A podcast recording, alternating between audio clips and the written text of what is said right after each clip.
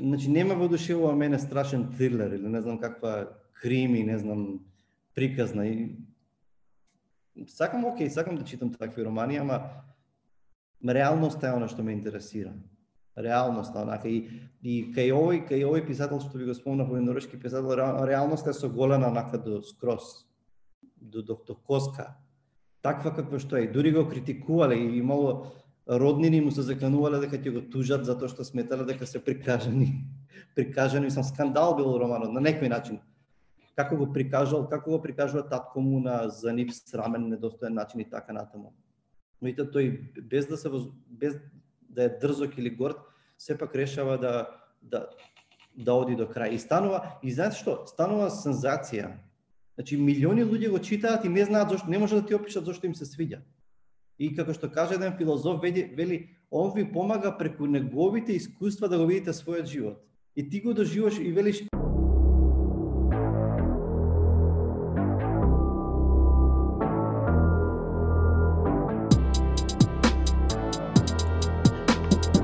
сите, добро дојдовте во нова, најновата епизода на подкастот Јустинијан збори. Моето име е Георги, а со мене денеска се моите драги колеги од правниот факултет во Скопје. Директно од Битола, Димитар Тромбевски Тромбе, кој што во моментов си вари кафе. Никола, о, свари, нашиот Джеймс Бонд, Никола Донев Донев, или ти политички тенденциозниот Джеймс Бонд Никола Донев Донев и а, Катерина Иванова Кате. Како сме колеги, што правиме? Поздрав, поздрав. Како што кажа, попладневно кафе. Седиме по дома, што ви правиле. Никола, ти? Јас како одлично работно како секој спремаме доста интересен настан а,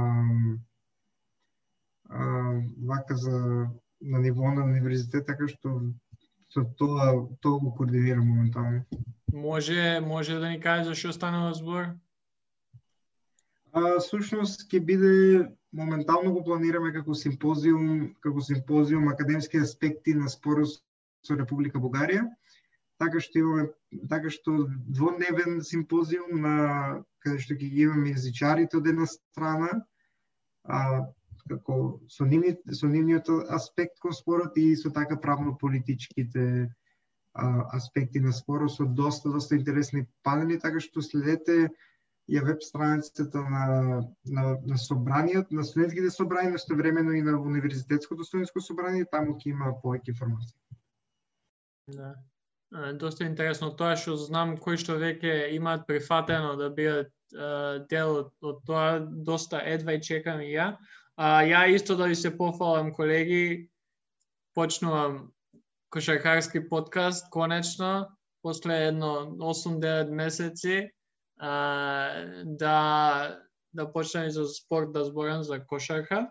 Нема да ве напуштам, уште сега да ви кажам, ама сега, од, од сега секој понеделник, а, било кај ги слушате подкастиве, може и на YouTube, уште немаме одлучено дали ќе иде као видео, Ама да, без коски е новиот подкаст на Авангарда, кој што ја јуче двајца ќе го водиме. Едва и чекам.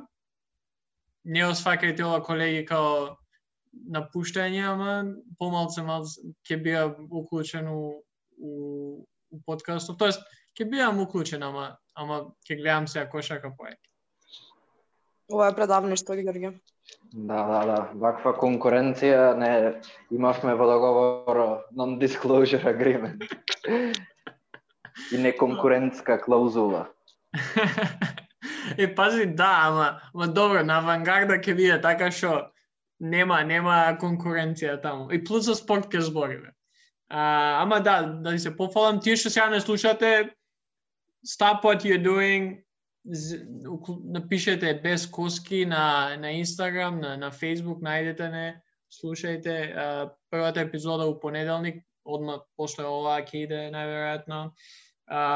да, не знам да ви објаснувам што значи без коски или знаете ви што значи без коски, пошто луѓе тоа ме прашуваат веќе неколку денови. Јас знам што е без коски. Никола, кате вие? Георги, ти, ти доволно ме знаеш од преходни години да знаеш дека јас не знам што е без коски. Ај, чим Никола не знае, ќе ќе кажам, безкоски е која ќе која топката ќе помине низ обрачот без да допре ништо освен мрежичката. И тоа е како која шутираш топка никола ти не би знаела, ама која шутираш тоа е тоа е тоа е онака the dream the Ово- dream scenario. Ово е веќе ово, ово е веќе лична наврада Ѓорги ќе размислиме за ова. Не, ама без коски е како кога некој стварно е добар шутер и знаеш дека без коски ќе дае а, топката. А, не и се, да не, да не стане ова по- а, спортски политички подкаст кај што Никола ќе ме задави, а, од која ќе се видиме за прв пат. Сакав само да да ви се пофалам да да да, да испромовирам подкастот малце. Тоа малце валјда заслужив до сега. А, ама не и се денеска стварно само што завршивме со снимање, мислам дека едно од подобрите разговори, еден од подобрите разговори што досега досега сме ги имале на подкастот. А, снимавме ајде, снимавме со а, човекот кој што стои позади YouTube каналот Читачот, Александар Маджаровски, а, и саат време зборавме за од книги, од филозофија, па се до а, креативност, читање, издавачки куки а, и на крај а, последните 5 до 10 минути ги посветивме на негови препораки за што може а, да читаме а, сега во слободно време, така што без многу да должам би ве оставил да уживате во разговорот кој што го имавме со Алек.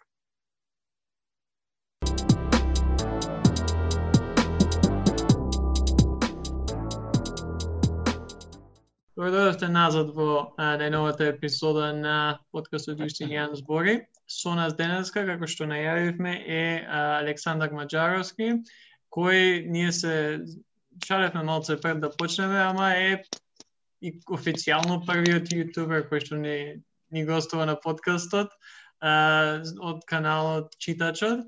Здраво, Алек, како си? Здраво. Супер, фала ви на поканата и баш ми е мило што ќе збориме за убави работи. Да, па ние веќе некое време најчесто разговараме за политика и разни е, теми кои се поврзани со тоа и мислам дека убаво е да направиме некоја промена а, и да поразговараме на некои подруги работи кои што немаат доперни точки со политиката за промена. И еден од оние од кој со кој што одамна сакам а, да направам да да поразговараме на подкастот си ти, А, мислам, ние се знаеме под, од тука и знам за, за читачот. Може, е за тие што не знаат, да не слушаат сега, да ни објасни што е читачот, како дојде до целата таа идеја и како оди. А, значи, некаде, некаде во март, кога нели беше локдаун, карантини, сите бевме престрашени да излегуваме и имаше дури хаштаг седи си дома или седи дома и така натаму. И нели уште беше ладно и по дома се и со децава им решив да им читам една книга Хобитот од Толкин. Викам ајде вие некојаш сами читаат книги, некојаш викам ај јас ќе ви читам пред легнување, нели? И почнав, почнавме на една-две глави, прочитавме од книгата и после една вечер седев и сикам, чека, зашто не се снимам и сега као некој мој допринос нели за Зашто почна, ако се сеќавате, тогаш почна сите, абе, седете си дома, гледате си серии, супер дека после не фати некоја параноја и клаустрофобија дома, се беше интересно месец дена. Викам, ајде ќе допринесеме нешто и ние, и викам, ќе читам јас од Хобитот по една глава и ќе ги постирам. И добро, отворив YouTube канал, иако идејата за, за, за YouTube канал, што ќе, да видам, кај што ќе зборувам за рецензии и за книги, за литература, имав неколку години, всушност. Ама сега ова беше рака као, не знам, се создаде права, права ситуација, прави околности да го направам тоа. Почнав да ги читам и имаше убав фидбек. После првата епизода имаше убав фидбек. Меѓутоа, 39 видеа снимив, ако не се лажам, и сега, окей, треба некој аптен да сака да те следи секој ден, да, да, да ја исчита, да ја изслуша книгата за тебе. И се, кога ја завршив, кога ја завршив книгата со читањето, си реков, ајде да пробам да го правам тоа што сакам и што претходно да го правам и да почнам да зборувам за литература. И почнав три недели поред правев а, а, автор, профили на автори некои. Значи, почнав со Дино Буцати, еден италијански писател, па за Ернесто Сабато зборев и за некои други. И значи идејата ми беше да кажам нешто биографски за нив, а, за нај, нај, најважните нивни дела, што може да се чита на македонски и да препорачам и дури читав извадоци. Меѓутоа што се случи? После неколку епизоди сватив дека тоа е тотално нереално темпо и значи како хоби како нешто што го правам онака тотално од љубов, сватив дека немам време да го правам тој, дека барам многу подготовка. Иако а, немам сценарио за видеата кога ги снимам. Значи имам само концепт, имам неколку мисли запишани на, на лист, дури некојаш не се запишани, и видеата ги снимам имам проблем она здраво и да добре дојавте на мојот канал, тоа сто пати ќе го преснимам додека не ти тргне и после кој ќе тргне немам проблем јас со јавно зборување. Така што ги снимивте и после после тие неколку авторски профили решив да правам рецензии на книги. Со тоа што со рецензија на книга е малку полесно и поедноставно затоа што доволно е да ти е тазе прочитана книгата, имаш свежи импресии и едноставно ако имаш некој концепт како да ја изложиш, да ја препорачаш книгата е полесно. Меѓутоа за баш профили за писатели, бара многу повеќе труд, меѓутоа не се од... имам четири такви направено, не сум не се откажав, сега спремам за некои писатели. Така тргна приказната, а напишав на Facebook на мојот личен профил, еј луѓе, ај предложете ми наслов, мислам име за каналот. И, добро имаше имаше снимање, имаше некои чизи, она не знам сега парафризирам во светот на книгите или така, немам поима во царството на книгите, немам поима, ама Ана Голешка напиша, е, читачот. И окей, може би едноставноста и на тоа име, нели, и кажува доста, решив да видам читачот. Е, сега има еден друг проблем. Кога луѓето ти те знаат како читачот и кои ти се обратат некојаш, еј, Алек, ти си читачот, тогаш другиот дел од твојата личност се буни, ама чекај, јас не сум само читачот, јас сум и, и други работи али тоа е окей. Значи така така почна идејата и тоа е. Да, да, доста доста интересно, дефинитивно а, не знам, ние нели Јустинијан збори а, која што е идеја на Никола а, и пред неколку месеци идеме на факултет, ја идам да да запишам семестар. И а, име на факултет, ја пишувам Јустинијан збори.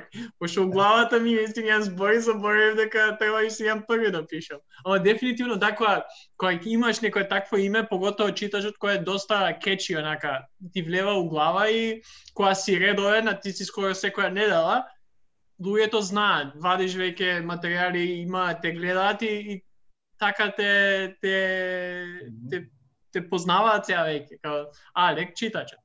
Uh, ама сега да те прашам, од кај иде таа твоја желба за за книги, за читање, за за тој некој, за тоа нешто, пошто и сам спомна и ти одговорот. Си е имал идејата веќе некое време. Да, да. А, знаеш како книгите, книгите уште уште од мали нозе, знаеш, клише фраза. Океј, чија сакав да читам уште од мал читав а, книги, не само лектири, и други книги. А, се сеќавам дури еднаш имаше во другарче во Карпаштри, таму бев запишан во браќа Миладиновци другарче. И како дете не знам колку сум колку години сум имал, да не знам, четврто одделение, немам поима. И ми дадоа пари од дома, имаше како мало сајмче на книги. Ама тогаш имаше многу убави не знам, волшебникот од Доси, некои такви изданија со тврди корици, шарени, убави илустрации и отидов ќе си купувам книги. Е сега, ама негде кога дојдов, не знам, осмо одделение вајда, тукаш влагаш во оние тинејџерски бунтовни години, тука веќе музика, се веќе околу музика. Нирвана, гранж, бунтовност, метал. Почнува, тогаш тоа те веќе ти интересира. Тука почнавме веќе 3 на 3 играме кошарка и умало и не те, книгите ги запоставив тогаш. Тогаш кој чита книги, мислам, тоа е за лузери што на тие години мислиш дека нели цел свет е твој. Е, сега, ама после неколку години, негде при крај на средно, а, повторно почнав да читам интензивно. И, не е за смење, ама во средно само тоа прави, во стварич не ме интересираше тоа што го учев. Ама ептен не ме интересираше. Не, е, студирав, не студирав, туку учев електротехничко школа или како се викаше, математики и такви ствари, ама ништо не ме интересираше, само читав. Значи, и од тогаш повторно се вратив на книгите, баш онака оние работи што ги откриваш. Да не знам, Достоевски, Балзак и го она баш Толстој да ги поминеш тие таа фаза. А, така што литературата ми е затоа што подоцна почнав и, е, и студирав и сега се занимавам со тоа а, на постдипломски филозофија. Тоа ми е сега во моментот можеби најсилна љубов Меѓутоа литературата е секогаш тука. Иако филозофијата и литературата не се исклучуваат. Така што ова ми е и, и, и нормално во приватниот живот, нормално дека читам цело време книги, романи и окей, ова ми беше само не знам изблик на на на, на, оно што ми е природно мене. И едноставно знаеш како функционира тоа? Јас барам така да го разбирам. А кога нешто ти значи, кога нешто го сакаш, сакаш да го споделиш со другите. Ние луѓето сме такви такви суштества, нели? Она што ти е нели, кога ќе гледаш добар филм, после што правиш? Не ќутиш, одиш да разговараш, зборуваш на сите и одма на Facebook ставаш, леле ова it's a must see. Гледајте го овој филм, би го смени животот, бла бла бла. За мене книгите се нешто. Ја не гледам филмови, речи ретко гледам филмови. Серии многу ретко. Последно нешто што гледав Breaking Bad беше, кога било тоа. Така што природно ми е да зборувам со за книгите и Е за друг момент е, а, друг момент е што она што сум го приметил кај во Македонија, не секој на не, на не, не на секој му е лагодно да зборува пред камера и пред луѓе. Мислам дека како народ имаме она public speech или не знам, може би и други земји се по во Америка јавен настап имаш, нели? Па држиш говор или на приредба некоја нешто кажуваш, а, мислам дека некој мене тоа не ми е проблем, на некој му е полесно да се изрази во пишана форма. Меѓутоа мислам дека некои луѓе ми искоментира као вау, браво. Затоа што си се осмелил да излезеш пред да ставиш пред телефон пред камера и да зборуваш. Меѓутоа мене тоа ми е онака окей, не ми е, немам трема.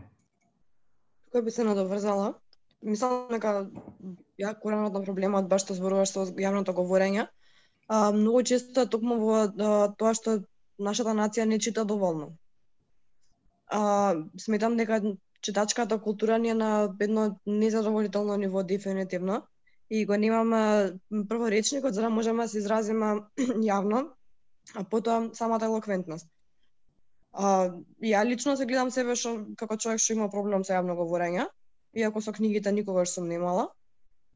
А, но сепак, ева, например, пред камера никогаш не ми било проблем, мене луѓе ми се проблемот. А, но сепак, а, прашањето ми е всушност, а, прво да, да не се согласам со Ѓорги дека ова е поинаква епизода од другите, бидејќи тука го гледам активизмот подеднакво како и многу други епизоди со активисти што сме ги имале затоа што мислам дека ваквото редефинирање на читачката култура е многу важно во 21 век затоа што како што и да се се помалку некако се заборува се заборава на пишаниот збор. А, така што моето прашање до сега а, од твоето искуство со овој нов формат на на, на литература на, на литературна култура, а, што ти е најомиленото искуство? А, видео, искуство, што ми е, кој ми е нај, најомилен елемент, а, знаеш што, мора, мора фидбекот да биде клучно нешто овако. Затоа што, знаеш, ако правиш нешто од љубов и сакаш да го споделиш тоа со други луѓе, ако ти немаш никаков фидбек, нула, окей, ако си уверен дека тоа е добро што го правиш, веројатно ќе го правиш.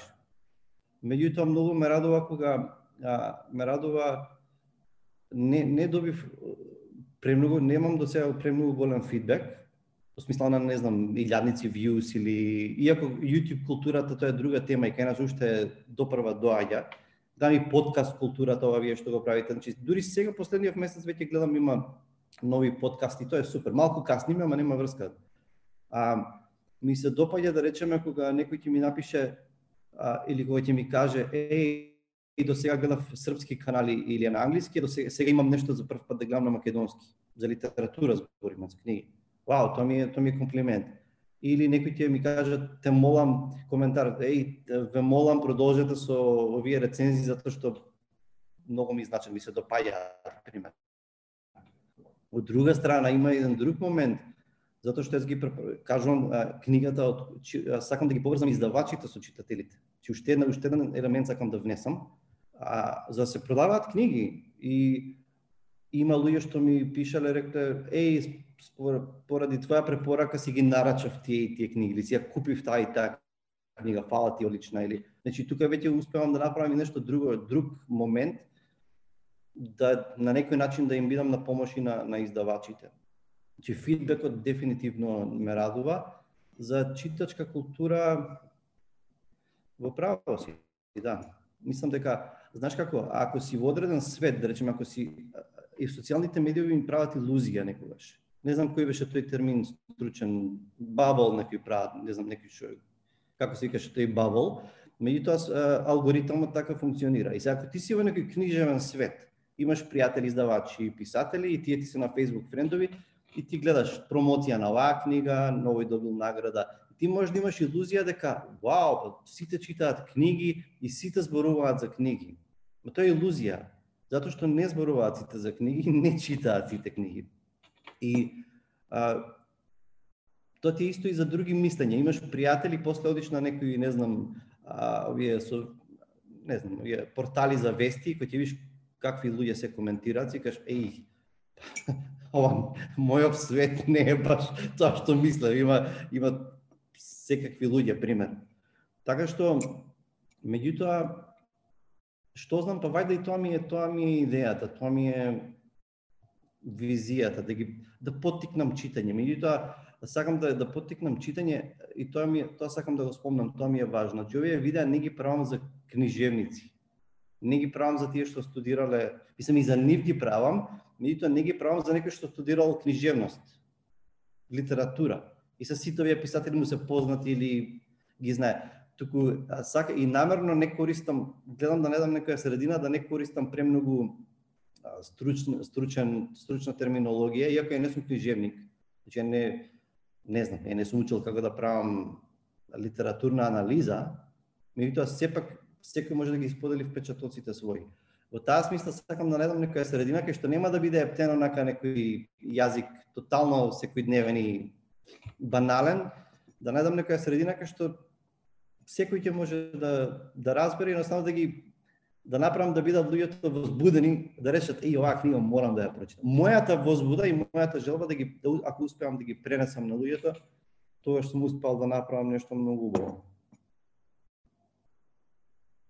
Да, се согласуваме тука дефинитивно баш не знам, го спомна тоа дека немаме некоја култура и сме зборали на подкастот за ова. Као освен за подкасти немаме интернет култура, што се вика налик на оние дали во Америка, дали а, низ поголемите држави во Европа, каде што еве најголемите јутубери се оние кои што им кои што публиката им е децата, пошто нив највеќе ги гледаат. Немаме некое некое неколку, тоест поеќе канали кај што можеш најразлични видови на а, на видови на тоест може најразлични работи да видиш уствари. Као немаме баш сега нели поч, ја почнам со кошакарски подкаст. Као ние немаме нешто каде што ке слушаш наши као било кој без разлика дали се новинар или не да зборат за кошарка, да зборат за фудбал, за спорт. Тоа само, знаеш, го добивавме кога на телевизор пред пред утакмица 15 минути порано ќе се уклучат и ќе ќе зборат нели што што они размислуваат ама тоа се коментаторите. Тоа у Америка е mm -hmm. ние сме едно 100 години назад од. И баш навистина uh, ја самиот стварно ми се свија и читачот и, и секое друго нешто такво кое што може да да крене таа таа култура uh, на едно повисоко ниво Ја би те прашал, како како, како ги избираш темите или книгите а, која правиш едно видео? Дали идеш по тоа што тебе највеќе ти се свиѓа или што си прочитал последно или не знам? Знаеш што, а, кога станува збор за YouTube-от и за популарен термин сега контентот што го правиш, содржината што ја нудиш, а, малку е трики работата. Зошто? Затоа што YouTube е извори на тотално ѓубре. Мислам и и и она што она што не е entertaining јутјубери го нарекуваат контент, повеќе тоа е ефтина забава. Е сега, на, на некој начин е тука е тестот, што сакаат луѓето да гледаат. Дали сакаат лепи циркус или сакаат да гледаат малку нешто поквалитетно. А во таа смисла, речи си, некојаш можеш да бидеш и контракултурен со тоа што ќе одиш пред се на квалитет наместо на квантитет. Да речеме, за мене е комплимент што луѓе што што знаат што е добра литература, а мора да зборуваме за добра литература и лоша литература. Не може, не признавам тука секој со својот вкус и нели прашање на окей, да, до некаде оди тоа дека е прашање на вкус, Меѓутоа има нешто што е добра литература, што е препознаено и од критичари, исто и во уметноста, во сликарството и во другите уметности. Значи нешто што е препознаено е дека е добро. Го издржало и тестот на времето, естетски критериуми и така натаму. Во таа смисла, а, комплимент ми ако некој каже ми се допаѓа изборот на книги за кои што зборуваш. А, она што, она што сум го приметил исто, да речеме кога сум бил на сајм на книга или и кога ќе видиш луѓето со кои книги излегуваат, што им може да преш анализа на на кесите од која издавачка куќа им се и што се купуваат. А генерално се може да бидам брутален и друг, но мислам дека генерално и од тие што читаат поголемиот дел читаат треш литература. Значи, не е тоа квалитетна литература издавачите, ако се осврнеме на издавачите кај нас, би рекол има три вида издавачи. Има издавачи што се доследни на својот избор и гледаат додат само на квалитет, на оно што сметаат дека тоа е. И не гледаат на, на квантитети во смисла на тоа дека ќе направат многу пари. Има издавачи што гледаат да направат пари правото на ефтина литература, белетристика, И има некои што гледаат и да направат пари, колку што можат, и да имаат и квалитет. Така што да речеме, тоа се издавачки куќи каде што ти имаш стварно, не знам, ти имаш и одличен квалитет, ти имаш, не знам, класична литература, ти го имаш Платон или, не знам, Кикерон или таква литература, или, не знам, Булгаков или Орхан Памук, а од друга страна ти имаш, не знам, книги за поп психологија и нели како беа како да пливаш меѓу ајкули или Purple Cow, не знам, пурпурна, не знам, па Доналд Трамп го имаш таму. И окей, тоа е окей. И тоа веројатно веројатно сватиле како стојат работите и се обидуваат да преживеат затоа што за какво издаваштво зборуваме кај нас. Мислам, кога повеќето издавачки куќи зависат од Министерството за култура, значи не немаме ние таква моќ Е, сега, во таа смисла, јас веројатно се во моментов ги бирам книгите според тоа што јас сметам дека е квалитетно и според тоа што го, го читам во последно време, зошто? Затоа што, окей, сега ако сум го читал Достоевски, сега да не знам, ако сум ја читал браќата Карамазови пред 15 години и сега да правам утре рецензија, треба малку да се подсетам, така, значи не можам туку така да излезам и така можам и од Википедија да, да, да прераскажам, а не е тоа поентата. Во таа смисла, во последно време видеа што ги правам се од книги што сум ги читал, што ми се онака по тазе читани, и мора да го задоволат мојот критериум, минимум, за да помине и да направам рецензија. Јас имам едно прашање во врска со издаваштвото и генерално таа фела. Ги, спом, ги спомнувавте многу руските поистакнати писатели како Достоевски, како Булгаков и слично. А, ја нешто што имам забележано, што страшно ми ма иритирано, се преводите на истите поновите преводи кај нас. А, особено на руските а, класици, бидејќи нередко гледам дека се преведувани на англиски а, превод на превод на превод. Знаеш, а, А- извини, извини. М, Сакав да прашам кое е вашето искуство со преведу со генерално преведувачката дејност кај нас, кои издавачки куќи ги би ги препорачале во тој поглед? А, затоа што и самиот а, имам преведувано, значи не професионално, од англиски и знаеш кога станува збор за за преводот превод, јас мислам дека е дозволен само во случај кога не знам. Немаш преведувач јапонски или кинески или или кога сакаш да имаш продукција од таа литература, од таа земја, ми тоа немаш доволно преведувачи, немаш луѓе што ќе го направат тоа. И, и за мене само тогаш е дозволено тоа. А знаеш која е моја теорија? Добар преведувач злато вреди. И треба ако си издавач и ако имаш добар преведувач, треба да го платиш и да го преплатиш и да го третираш и да го чуваш. Значи знаме има неколку неколку неколку добри неколку добри преведувачи. Катерина Јосифовска, не знам, не ја познавам лично, меѓутоа тоа е една девојка што преведува од шпански, а, германски и англиски. Сам- И има преведувано, не знам, дело како човек без својства од Музил, тоа се некои 2000 страни, комплексна, комплексен роман.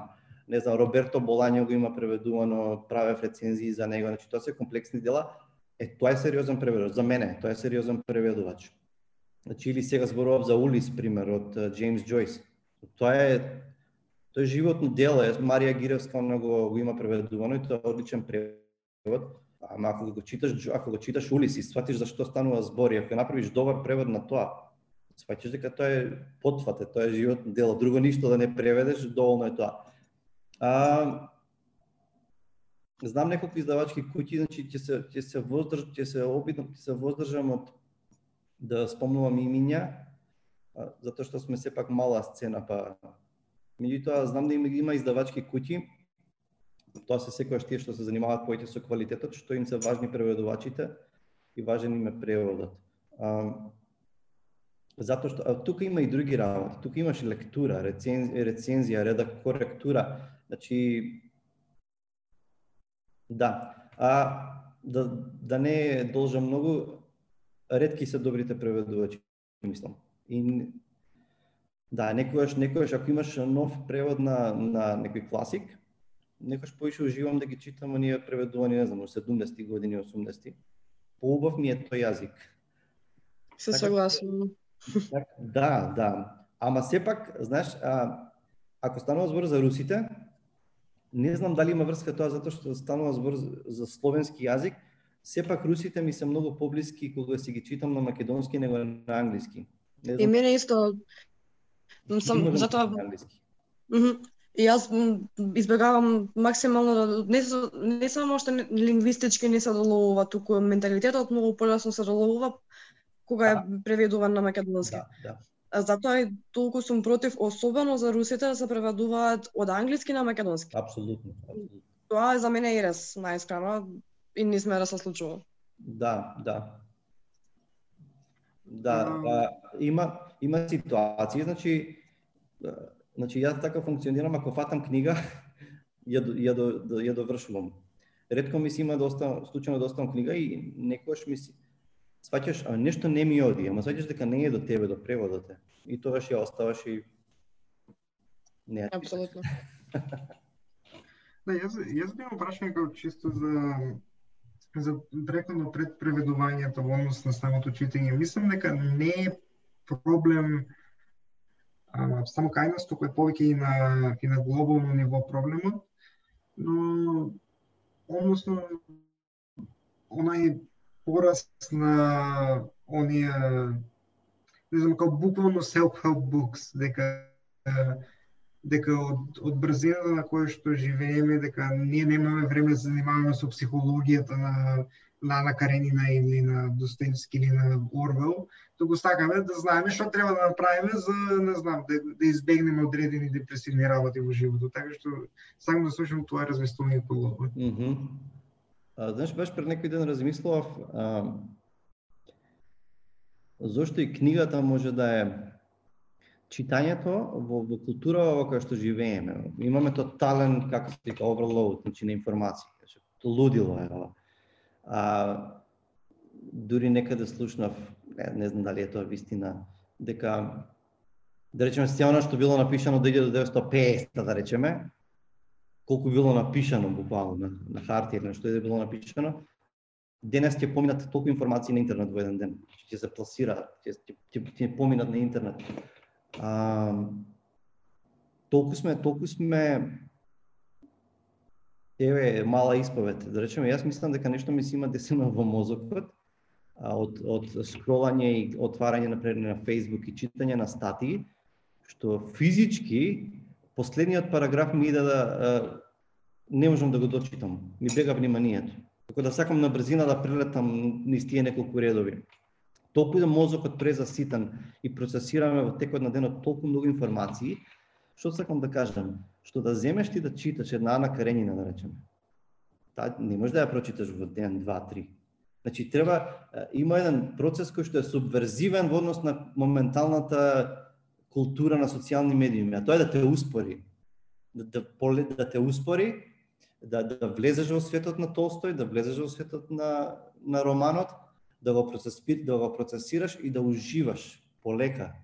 Наместо цело тоа лудило околу тебе, пример, не знам, сите тие информации што и носат и до, и не знам, и до стравови, параноја, анксиозност и така натаму, мислам дека кога би заговарал една од причините зашто би рекол дека треба да читаме затоа што не успору, не забавува и, и ни дава полека да се фокусираме на едно нешто, да влеземе во, во тоа време додека сме со таа книга да влеземе во тој свет. И едноставно а, да, а за self-help Знаеш како, ништо што е квалитетно не може да се случи преку ноќ. Па и душевен, духовен, како би закаш мир да го наречеш, така што не знам што да кажам за self-help. Да, јас само овде би се надоврзал. Сега баш кога ова го збореше, ми текна на подкаст што го слушав лани и што имам преслушувано, ретко тоа некојаш го правам, ама беше со Ерон Соркин, еден од најпознатите умо, мое мислење најдобрите скринрайдери, сценаристи, а, поготово во последните неколку декади. Тој баш збореше за тоа за колку досадата да уствари него него највеќе му помогнало да, да си најде тој креативен а, као, да, креативен начин на размислување и напишување. И баш збореше дека, нели, на англиски ќе ќе кажам ова бидејќи малце преводот може да да не му да не биде толку добар. Вика people are curating their lives now. Значи толку као си ги не знам, си ги поставуваме животите така да да биде тоа ти што го кажа, да не биде ептен лесно, ама забораваме дека уствари кога ќе не знам, ќе снема струја и треба 2-3 сати дома да седиш, ништо да не правиш. И колку ствари тоа може да ти помогне да си го најдеш тоа твое некое креативно нешто за кое сака, си сакал да правиш, као еве, у, тоа, у овој случај твојот видеа или рецензии да збори за книги. У нашиот да збориме за политика или право или било што, да ако не бевме ние толку досадно да не ни беше, да немавме што да правиме, ние, ние не верувам дека подкаст имавме сега и може и ти не, не би ни почнал со, со снимањето и зборењето за книги. Ама тоа мислам дека, да. дека знаеш, седење дома сам, со сами, со нашите мисли, доста е голем предизвик за, не само за, ка, не го зборам ова за другите, како и за мене е предизвик, да може, не знам, како досадно е, ке, ама ќе земам телефон, ќе ќе скролнам, ќе видам нешто, ќе ми одвлече внимание и ќе заборам дека е досадно. А уствари мене ми е досадно, ама сега веќе имам некоја дистракција да ме чисто да да, да трошам време. Тоа премногу е онака лошо и не гледам некој одговор како и што на на поголема на поголема скейл што се вика. За себе можеш да направиш, ама општо за за општеството е многу многу потешко да се излезе од ова. У, тоа е огромна тема, да. И сум не знам дали вас ви се случува тоа, ама идеш, треба да идеш у ВЦ, го земаш телефонот, затоа што како ќе ги потрошиш тие 5 минути сам со себе, мораш нешто да се занимаваш fear of missing out, како беше на FOMO, fear of missing out. Затоа што што ако баш во тоа време некоја статија или некоја вест излезе многу важна, што јас ќе ја испуштам во тие 5 минути. Да речеме, и децата сега се толку на, на навикнати да има интернет, пред некој ден, не знам, нис нема интернет дома, немам на 5 минути, мислам, паника. Као, што, јави се, јави се, одма ќе се јавуваш во VIP таму или не знам, се караш. Немам 5 минути интернет, скандал. У, ама тоа е, тоа е огромна тема и за, затоа затоа треба да го промовираме читањето, да не да не тргне од тој свет на како што кажав, да не успори и да да дојдеме во контакт со со себе си и со други луѓе, не знам, кои што живееле многу побавни животи. А знаеш што? Се размислувале за истите прашања. Се бореле со истите проблеми. Јунаците на Достоевски не се борат со некои, сам да кажам, немаме ние некои не знам какви нови човечки предизвици. Истата анксиозност е истиот страв, истиот страв од смртта или не знам, истата кршливост. Да, да.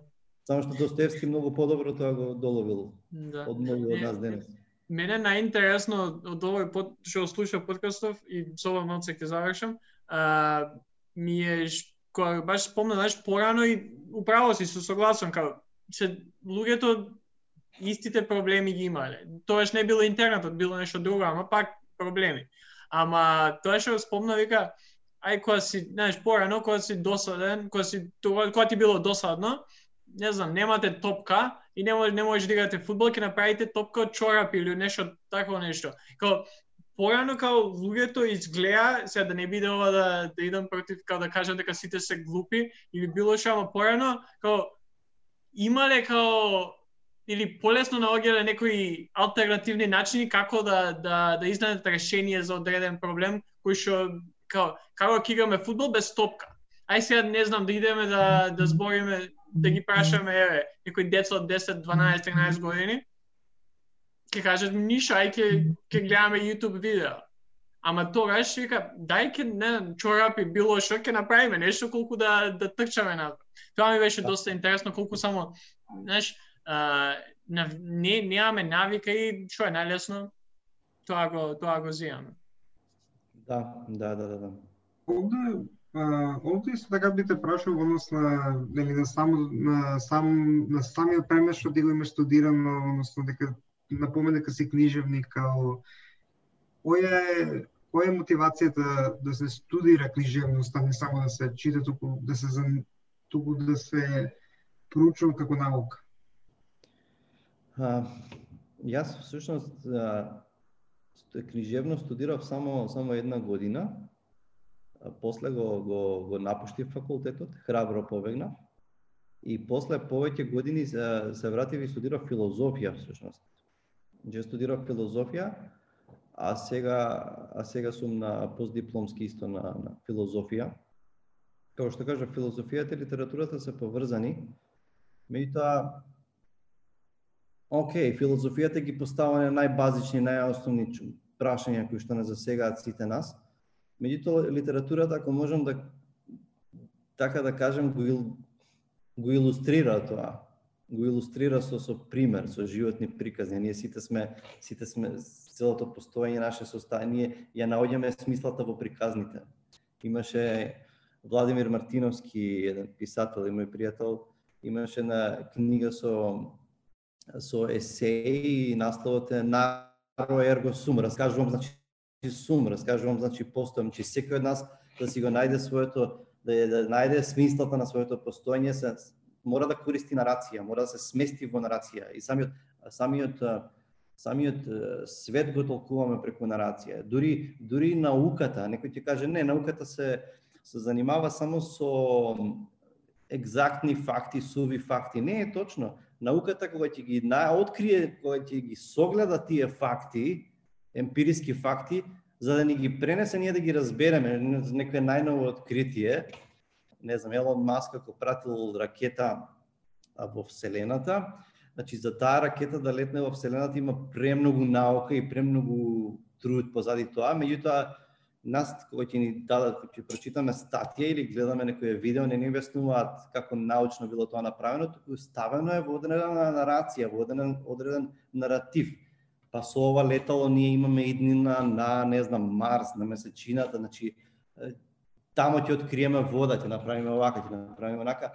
Значи, а, во таа смисла литературата, литературата ни помага да се ситуираме во овој свет, да се ориентираме преку туѓите искуства, преку туѓите приказни, затоа што и ние сме самите битија кои што имаат потреба од приказна, литературата тоа го прави нормално подобро од филозофијата, затоа што филозофијата најчесто ги поставува прашањата. Меѓутоа литературата, книжевноста може да се занимава со со самото постоење во пракса како тоа изгледа. И така што кога ги читаме, зборувам за за сериозните делата на светската литература што останале. Не знам, од, од античките, од Одисеја да ја читаме, или диалозите на Платон, или Карамазови, или Шекспир, сваќаш дека целото човешко искуство тие мајстори го ставиле во тие драми, епови, романи, каде што ти можеш и да се поистоветиш со ти, да, да сватиш дека дека тоа е човечкото искуство, дека ти не си надвор од тоа, дека има надеж за тебе. Барем јас така го гледам тоа. Барем делче. Јас за крај имам едно прашање.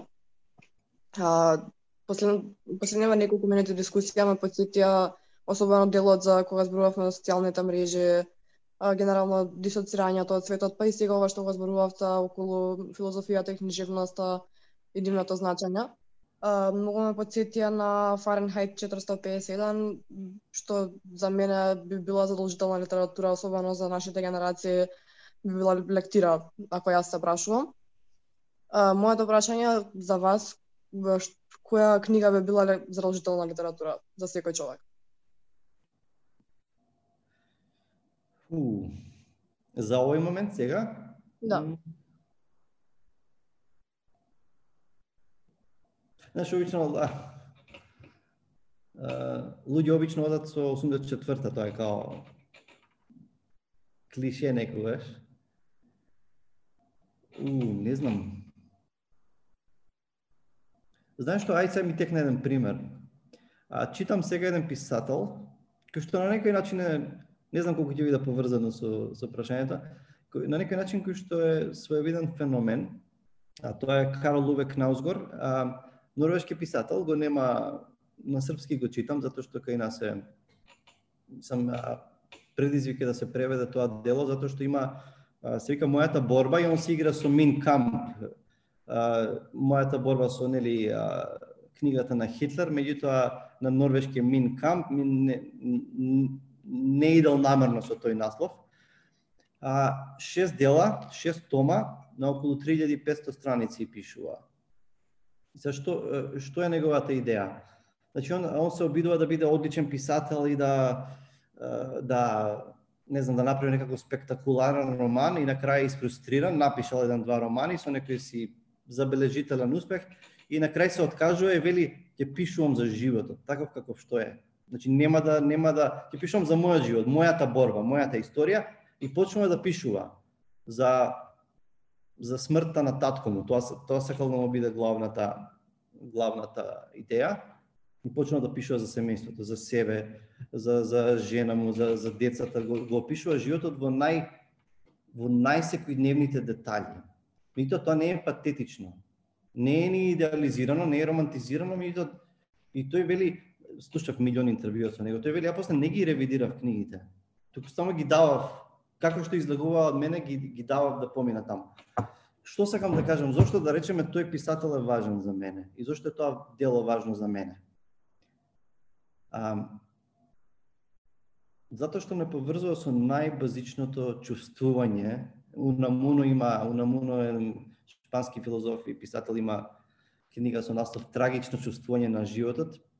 Но и тоа би рекол не поврзува со на најбазично човечко искуство, искусување на на секојдневието, на, на, на деталите кои што поминуваат околу нас секој ден, а не ги забележуваме. Джеймс Джойс исто во видеото спомнав, он имал, имал идеја на фраза епифанија на секојдневното. Во смисла дека не знам ако не се лажам, може една една улична светилка во во Даблин кога ќе ја погледнеш во тој момент за, за тебе да биде епифанија, да, да биде некоја просветление, да, да ја согледаш реалноста таква како што е во тој момент.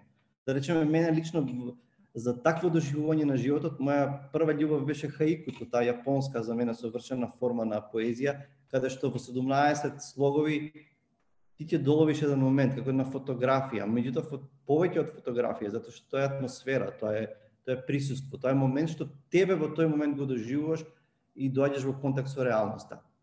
Тоа е реална, тоа е нашата реална реалност, не е социјалниот медиум. Не е ни ова што го правиме сега и пошто некој ќе го гледа. Тој тој контакт со со со тие мали епифании што секојдневно ни ни бега, ни се лизгаат од раце, ни се лизгаат од прсти, а можеме да ги имаме. И затоа ме воодушевува таквото, значи и можеби не знам, значи нема воодушевува мене страшен трилер или не знам каква крими, не знам приказна и сакам окей, сакам да читам такви романи, ама реалноста е она што ме интересира. Реалноста, онака и и кај овој кај овој писател што ви го спомнав, овој норвешки писател, реалноста е соголена онака до скрос до, до, до коска. Таква каква што е. Дури го критикувале и имало роднини му се заканувале дека ќе го тужат затоа што сметале дека се прикажани. Прикажани, сам скандал бил романот на некој начин. Како го прикажал, како го прикажува татко му на за нив срамен, недостоен начин и така натаму. Но и тој без да се без да е дрзок или горд, сепак решава да да да оди до крај. И станува, и знаете што? Станува сензација. Значи милиони луѓе го читаат и не знаат зошто, не може да ти опишат зошто им се свиѓа. И како што каже еден филозоф, вели, вели он ви помага преку неговите искуства да го видите својот живот. И ти го доживаш и велиш, еј, и јас. Еј, да, ова прашање и мене ме засега. Ама он многу убаво, поубаво од мене го не знам, туркам детето со количка и не знам и е, мислам дека го губам животот на глупости затоа што менувам пелени, а можам да напишам роман што ќе го читаат идните поколенија Меѓутоа, во тој момент, најбанален момент, он наоѓа нешто посебно. И решава да го направи да биде нешто посебно. Е, тоа мене ме водушевува, тоа ми се допаѓа. Поима немам дали ти правеше смисла ова во смисла на прашањето, ама а, да, тоа е моќта на литературата. Да, апсолутно, абсолютно се согласам, мислам дека имаше тек а, нешто, нешто мене ми е прашање сега тоест не прашање да го повеќе како често кога почна пандемијата кога се изолиравме нели едни од други, а многу се повикува на екзистенцијалистичка филозофија нели на Сартер, Ками, абсурдност и се тоа. Ага. Кои се твоите размислувања во однос на нели на овој дел на филозофијата и екзистенцијализмот воопшто? Mm -hmm. а, сега затоа што мојот моето филозофско јас мора малце пауза да направи, нели да размислам и да се почешам како брадат. за да дадам длабок одговор. А знаеш, тоа е, тоа е стара дебата уште пред уште во времето на античките филозофија што што предходи есенцијата, метафизиката, Бог, оно што е што не можеме да го објасниме да го видиме или предходи или човекот е тој што е финален авторитет и ја толкува, ја толкува реалноста. А, со со Сартер и со Ками не можам да се согласам затоа што а, оние се гледуваат слободата и ужасот на слободата дека ба човекот е слободно битие да си да си да да го избере својот пат и да сам да се создава, сам да се открие Меѓутоа, ја немам токава вера во човекот. Дека сам може да... Сепак мислам, сепак мислам дека... Знаеш како, Ками... Не, не, не можам да се согласам со абсурдот на Ками или на Сартер, затоа што сепак дека верувам дека има нешто повеќе, има повисока инстанца од човекот. Затоа што ако ако го погледнеме човекот и што и прави човекот на оваа планета и како се однесува човекот. многу е лесно и да загубиме вера во човекот, да станеме тотални онака песимисти, нихилисти, да кажеме. И знаете, ги слушав, ги слушавте тие фрази во последниве месеци. Има на планетата ќе биде одлично без нас. Има да процвета, има да се регенерира, има да биде супер место. Се ние сме најголемите не знам, без а, а, штетници на оваа на оваа земја. Меѓутоа, не знам, литературата и филозофијата, барем моето исчитување, барем јас како ги гледам, не ми кажуваат дека човекот е Бог, дека човекот е врхов, а врховен авторитет кој што дефинира што е добро, што е зло. А, не би можел да, да, да застанам тука. Во таа смисла не можам да, да се согласам со Сартер. Ти прави смисла ова ти одговор? Одговара до некаде? Да, да, да. Ми, мислам, јас имам размислување, но може би некоја следна епизода. Да, тука веќе треба да влеземе сега во областа на филозофијата. Да.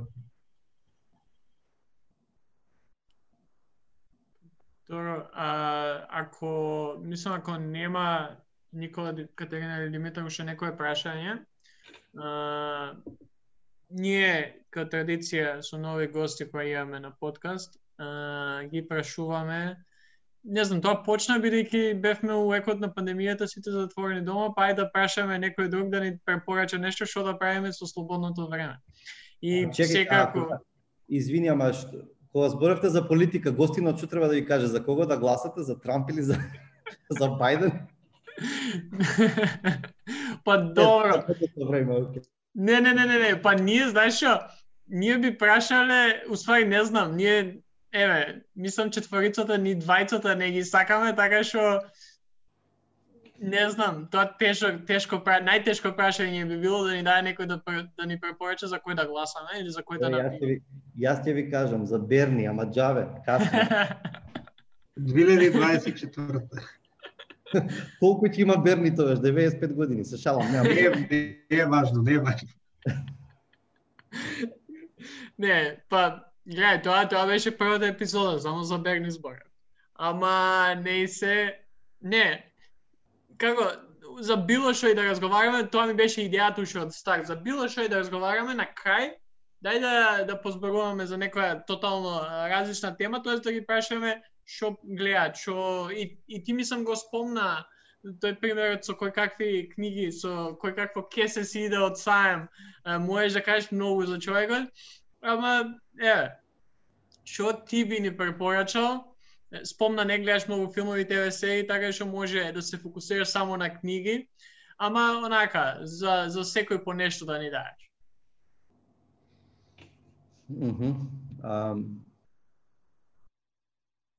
Океј, значи, од, uh, тоа не го спомнавме денес, меѓутоа во едно од видеата спомнав дека една светла точка иако неколку пати сум кажал дека понекогаш мислам дека единствена светла точка во земјава ми е што се возат повеќе точаци и се прават велосипедски патеки.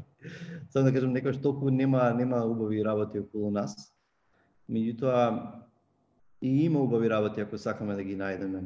А, една светла точка во литературата е литературата за деца во земјава зборам.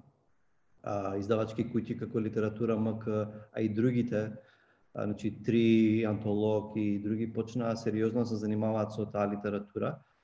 И не само во однос на на квантитет, туку и квалитет, убава курица, затоа што кога ги споредував, да речеме, книги што сум ги купувал од Англија, детски книги, сликовници, стално се воодушевував, паѓав во несвест од дизајнот, какви феноменални дизајнери има таму, меѓутоа тоа доаѓа кај нас и тоа ме радува, значи и наши и наши писатели пишуваат за деца, прават сликовници и се повеќе се прават работилници и така натаму за деца.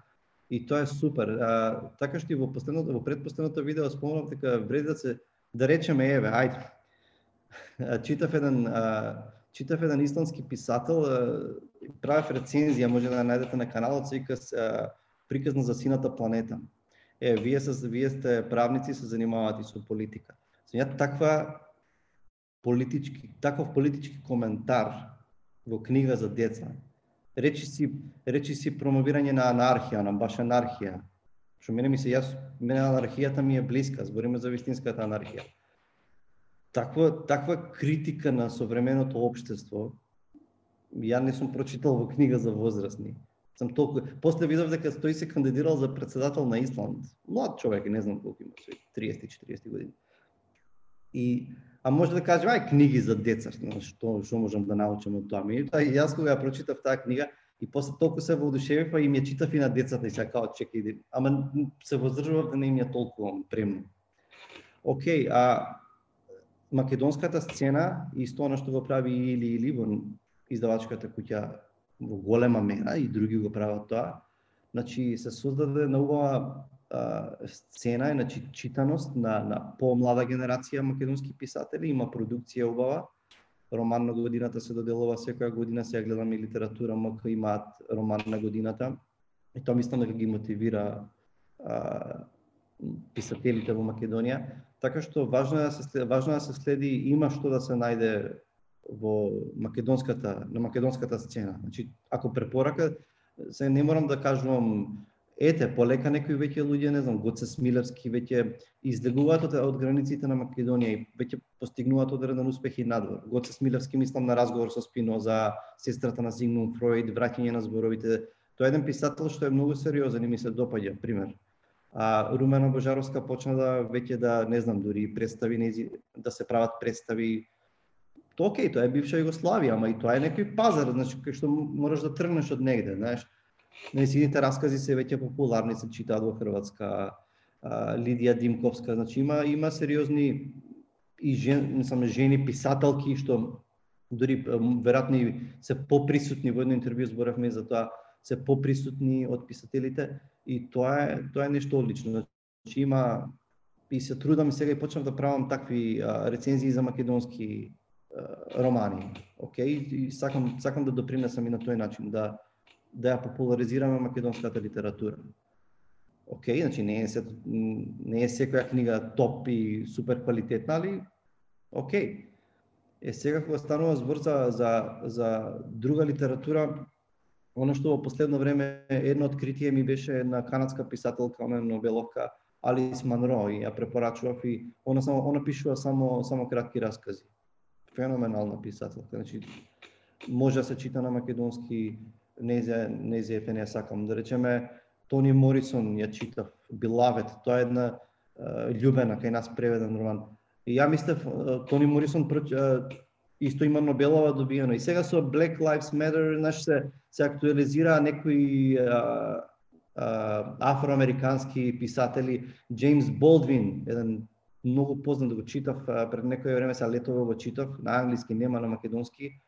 А, тоа се сериозни афроамерикански гласови кои што се сериозни, тешки писатели. Јас мислев љубена, нели насловот Билавет, и некој очекуваш некоја си романса. Романса, тоа беше страшно од времето на нели робството во во во Америка, не знам, 19 век. Беше тежок, страшно тежок роман и одличен роман. Значи Тони Морисон е веќе се издаваат нејзини книги на македонски повеќе и дефинитив, дефинитивно, знаеш која е моја филозофија во однос на читањето? Животот е премногу краток да го потрошиме на да испробуваме само на треш литература. И чекај ова видов или некој ми препорача, значи добри препораки, сериозни препораки. А кога ќе откриеш дека нешто е добро, кога е нешто класик, тогаш обавезно препрочитување. Значи еве сега да речеме последно нешто што ќе препрочитувам или веќе препрочитувам Кавка и за него планирам да правам Франц Кавка. Кавка не може да излезе од мода. Еве се враќаме на она што да читаме денес. Читајте го Кавка и ќе видите дека некои работи не се смениле. Во смисла на, на систем, држава, бирократија, актуелен не може да му помине модата. Така што дефинитивно, дефинитивно класици А, што друго да препорачам? Па да, тоа, ајде не ја ширам сега многу. Всушност, знаеш кој е, кој ти е најмаркетиншки? А за повеќе информации посетете го мојот YouTube канал на www. А знаеш, да, се трудам да не бидам премногу, да ги избегнам тие маркетиншки финти, да и да дозволиме квалитетот да зборува. Да. Ја баш сега кога збореше, мислев пошто кога вака правевме со други гости, имам направено дизајн темплейт, кај што ставам гостинот кој ставам кои се препораките, ама ова сега ти што ни го препорача, ова ќе иде као дефинитивно посебно видео на YouTube, а, бидејќи стварно мислам дека било какви, знаеш, било каков дизајн или а, такво нешто би би му направило justice и дека на вистина еве ја со ова последното што кажа, ќе земам ќе препрочитам Кавка пак, е еден од моите омилени автори, процес ми е книга number one, а, кај што на вистина секојаш која ја читам, секојаш сум као, па чека, ништо се нема променето од кога Кавка пишувал. И тоа тоа е она што секојаш секојаш ме влече кон него. Ама стварно, ја мислам уште сад време да збориме малку ќе бие стварно супер. Јас си поминав. Фала ти на, на гостувањето. Ви благодарам на поканата и пак ќе кажам, баш ми е мило што можевме да зборуваме за за убави работи како читањето и литературата. Да, и следен пат се надам наскоро ќе ти имаме и пак ќе збориме за за некои убави работи. А, а до тогаш гледајте го читачот, читајте што препорачува, слушајте Јустинијан збори и не идете у кладилници. Океј, okay, дечки, пала ви.